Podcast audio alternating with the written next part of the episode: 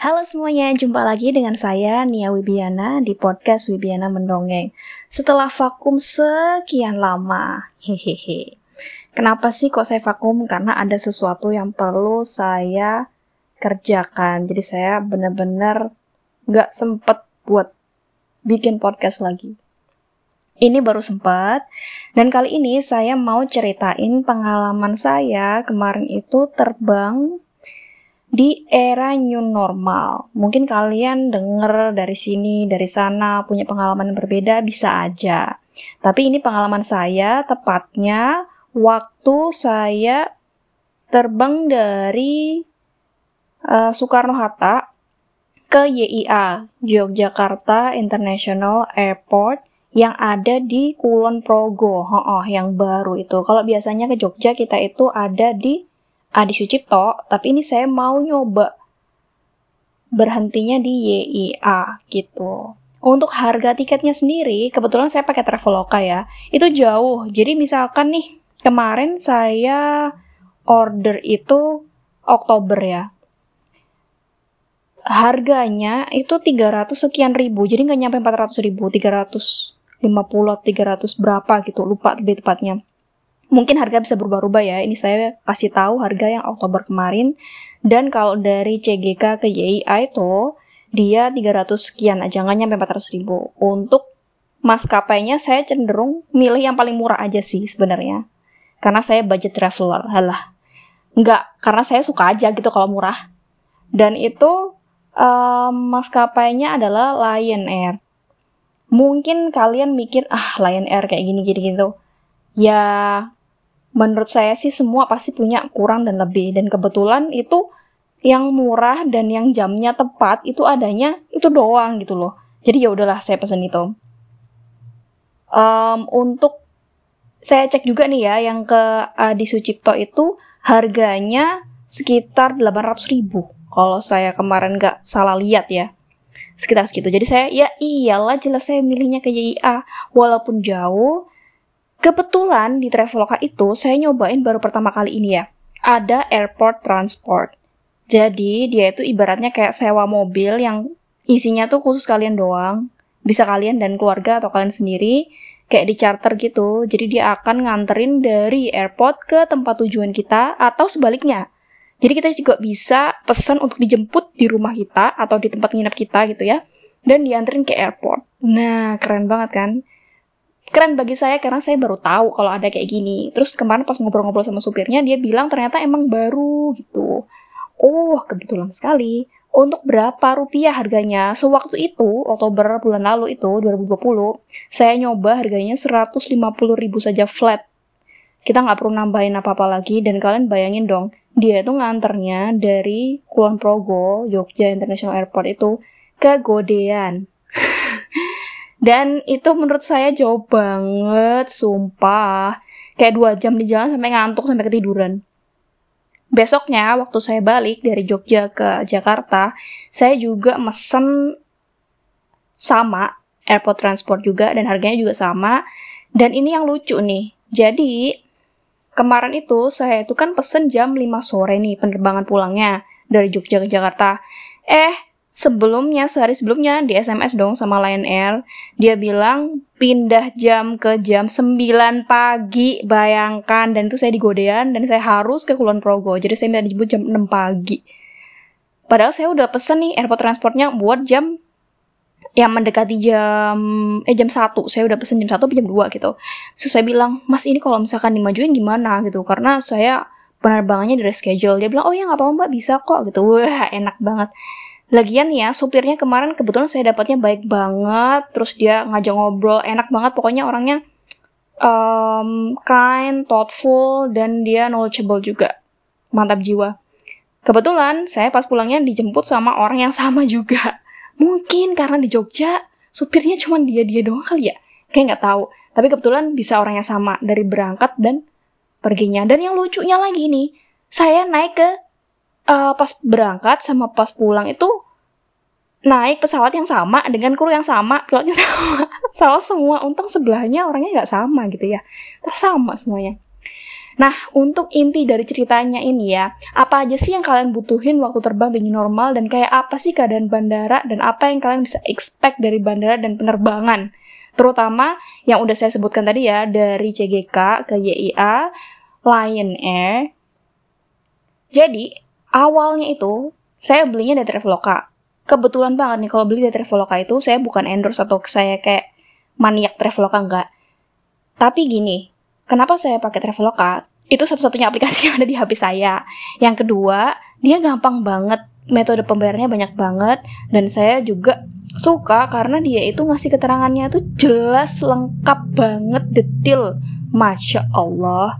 Jadi waktu saya mau berangkat itu, dia dikasih tahu kamu harus mengisi ini, ini, ini, ini, ini gitu. Di linknya tuh udah ada. Jadi kalau misalnya kita yang bingung, aduh ini apa aja ya keperluannya, nggak usah bingung, tenang, tenang, udah ada listnya di sana. Jadi kalian tinggal ikutin aja tuh link-linknya. Jadi yang pertama yang mutlak apa adanya, oh mutlak harus ada, itu adalah rapid test. Entah kalian mau pakai rapid test yang pakai jari atau serologi atau metode lain mungkin yang sekarang ada pokoknya rapid test. Itu kalau domestik. Tapi kalau kalian penerbangan ke luar Indonesia, ke luar negeri, penerbangan internasional, itu harus PCR swab. Itu harus mutlak. Udah nggak bisa nego lagi, please. Karena saya domestik, jadi saya ikut rapid test. Kebetulan, di kantor saya itu emang rutin ada rapid test yang jenis serologi. Jadi yang diambil darahnya tuh loh jadi saya nggak usah rapid lagi di luar. Saya udah rapid di kantor, saya masih pakai surat yang itu. Saya rapidnya Jumat, terus saya berangkatnya tuh hari Minggu. Untuk rapid test ini sendiri harus berlaku uh, maksimal 14 hari. Jadi misalkan nih, kalian rapid tanggal 1, tanggal 12 itu masih kalian bisa pakai.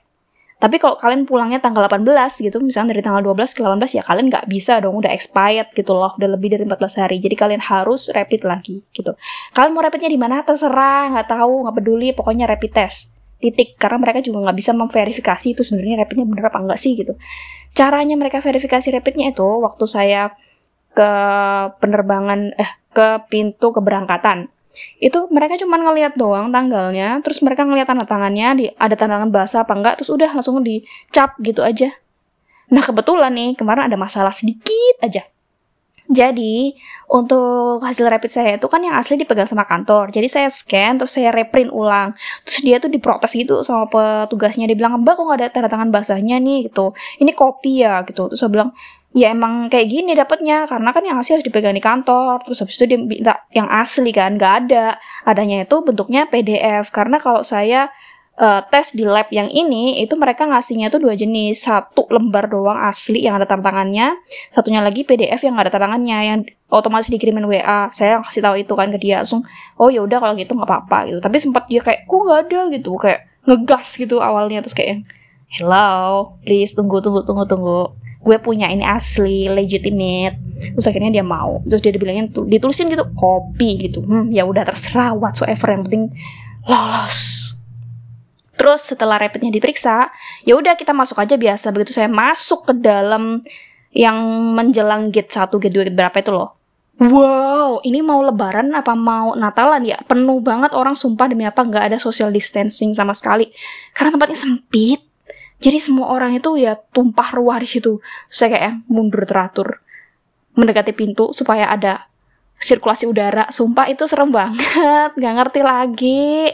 Itu misalkan ada satu aja yang kena corona, kayaknya itu semua kena deh. Nah, uzubillah dalik. Bukannya saya ngedoain ya, tapi situasinya itu kayak menegangkan gitu loh. Sumpah itu kayak apa ya ngomongin dia kayak lebaran, sumpah semua itu tuh penuh banget sampai bangku yang di X aja juga didudukin saya nggak ngerti harus ngomong ke mana ya untuk kayak gini karena petugasnya juga bingung saking banyaknya orang gitu tapi ya udahlah ini udah berlalu. Semoga sekarang lebih baik gitu ya. Tapi beda banget kalau yang di YIA wow mungkin karena bandaranya sendiri baru ya terus gede gitu hampir kayak canggih menurut aku. Itu tuh jadi bener-bener orang-orang berhentinya tuh pas di garis-garisnya gitu karena emang dia panjang terus luas gitu loh. Jadi mau banyak orang cukup. Tapi kalau yang kemarin di CGK itu terminal 2 sempit. Ruang tunggunya juga kecil dan orangnya banyak banget. Banyak banget yang ke mana coba? Ke Surabaya. Banyak banget. Jadi waktu dipanggil penerbangan Surabaya wah langsung antri. Panjang banget kayak antrian sembako sampai yang ya Allah ini ujungnya di mana? Gila panjang banget antriannya. Terus ya udah alhamdulillah sih ini udah terlewatin udah dua minggu lebih dan saya juga udah rapid lagi um, hasilnya non reaktif semua dan alhamdulillah saya masih sehat walafiat eh masih semoga terus sehat walafiat itu ya. Nah, surat-suratnya tadi apa aja sih isinya? Balik lagi ke sana. Sebenarnya ada empat sih yang di yang disuruh di Traveloka itu. Jadi rapid test, e-hack yang dari apa namanya Kemenkes itu. Satunya lagi itu um, Corona Likelihood Metric. Terus satunya lagi itu kayak surat um, keterangan yang kalian harus isi kayak berita acara gitu ke maskapainya kalau kalian itu dalam rangka apa dan kalian udah tes ini itu gitu loh. Pokoknya kalian menerangkan kalau kalian udah bebas, kalian sehat dan kalian mau uh, melakukan hal yang penting dengan penerbangan ini kayak gitu. Ada empat itu sih sebenarnya. Tapi faktanya setelah saya ke sana yang diminta cuma satu doang, rapid doang yang tiga ini kagak ada yang nanyain ya udah tapi saya simpan aja gitu kan kali aja ada yang nanyain dan lucunya lagi kalau yang dari Lion Air itu tuh pilihannya tuh cuman kedukaan, mengunjungi kerabat yang sakit, dinas, terus pejabat e, pemerintah dan apa-apa. Nah saya tuh bingung karena apa? Lah ini nggak ada tujuan saya nggak ada sama sekali yang di situ. Terus ya udah nggak usah saya isi kan. Yang penting semuanya saya isi, cuman itu nggak saya centang aja gitu. Saya pikir ya udahlah nanti kalau ketemu sama petugasnya saya tanyain aja gitu gimana ngisinya. Ya ternyata nggak ditanyain sama sekali. Syukurlah ya udah ya kayak gitu. Terus waktu kita mau terbang dikasih face shield satu-satu. Tapi karena saya udah siapin face shield dari rumah ya udah nggak usah. Buang-buang lagian ya kan? Kalau udah punya ya udah nggak usah minta lagi. Tapi anehnya banyak orangnya udah pakai udah punya. Masih aja ngambil lagi. Please deh itu tuh ya plastik. Huff, buat yang lain kali.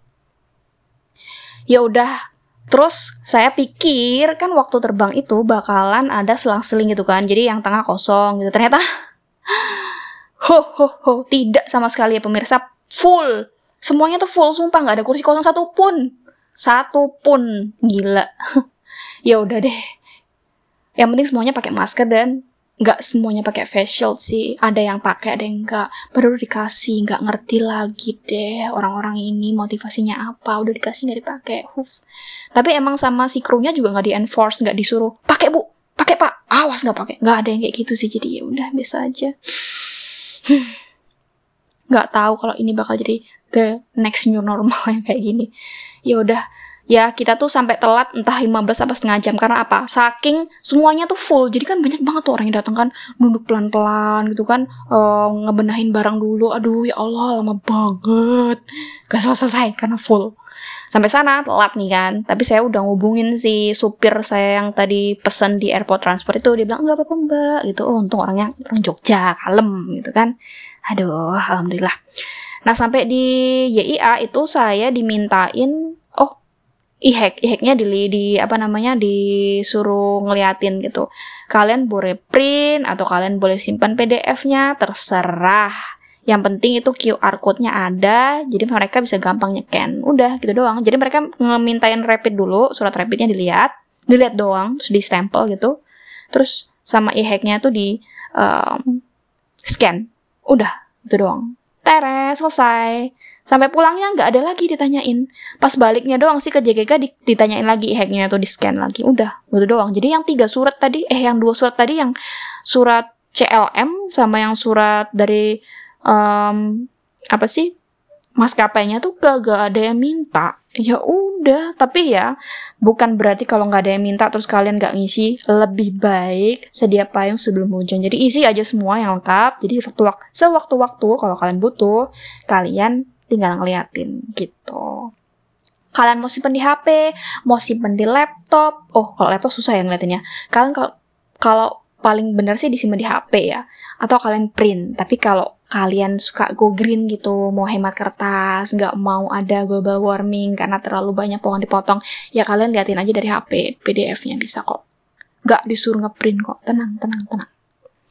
Ya udah, pengalamannya itu, pengalamannya itu kayak gitu aja. Tapi kalau itu kan saya di terminal 2 nih ya, di CGK-nya. Waktu saya ke terminal 1 ngelewatin itu gila. Saya pikir ini kota mati ya, kagak ada apa-apa. Bahkan dagangan yang toko-toko di luarnya tuh semuanya tutup semuanya. Cuman ada satu orang yang berhenti di T1 itu karena dia rapid test. Hmm. Oh iya, saya mau menyinggung juga kalau kalian naik kereta bandara nih ya.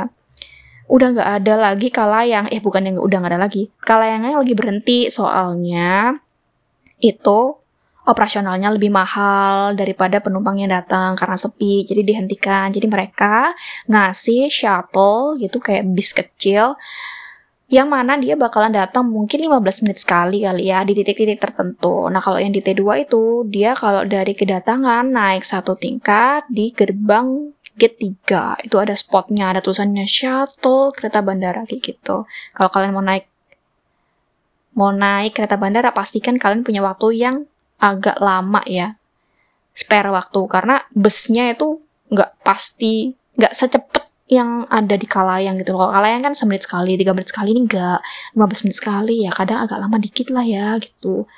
Ya lagian dia dari uh, T1 ke T2 ke T3-nya itu agak lama juga karena kan jalurnya beda sama Kalayang. Kalau Kalayang kan punya jalur sendiri, dia nggak macet, nggak ada apa-apa gitu kan. Tapi kalau jalurnya bus kan agak beda, kayak muter jauh gitu.